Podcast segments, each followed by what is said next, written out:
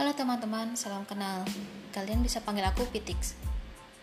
Mungkin bagi teman-teman yang belum mengerti, Pitik itu adalah bahasa Jawanya dari anak ayam. Ya, seperti namaku itu. Aku masih seperti anak ayam yang belum mengerti apa-apa. Tapi pastinya akan bertumbuh. Podcast yang aku buat adalah suatu podcast sebagai catatan belajar aku tentang apa pun itu nantinya. Karena aku juga ingin membagikan hasil pembelajaran aku buat teman-teman, biar kita sama-sama bisa belajar. Podcast ini pastinya akan berbeda dari podcast lainnya, yang memang sudah dibuat oleh teman-teman yang profesional di bidangnya masing-masing. Tapi aku harap teman-teman suka ya. Terima kasih.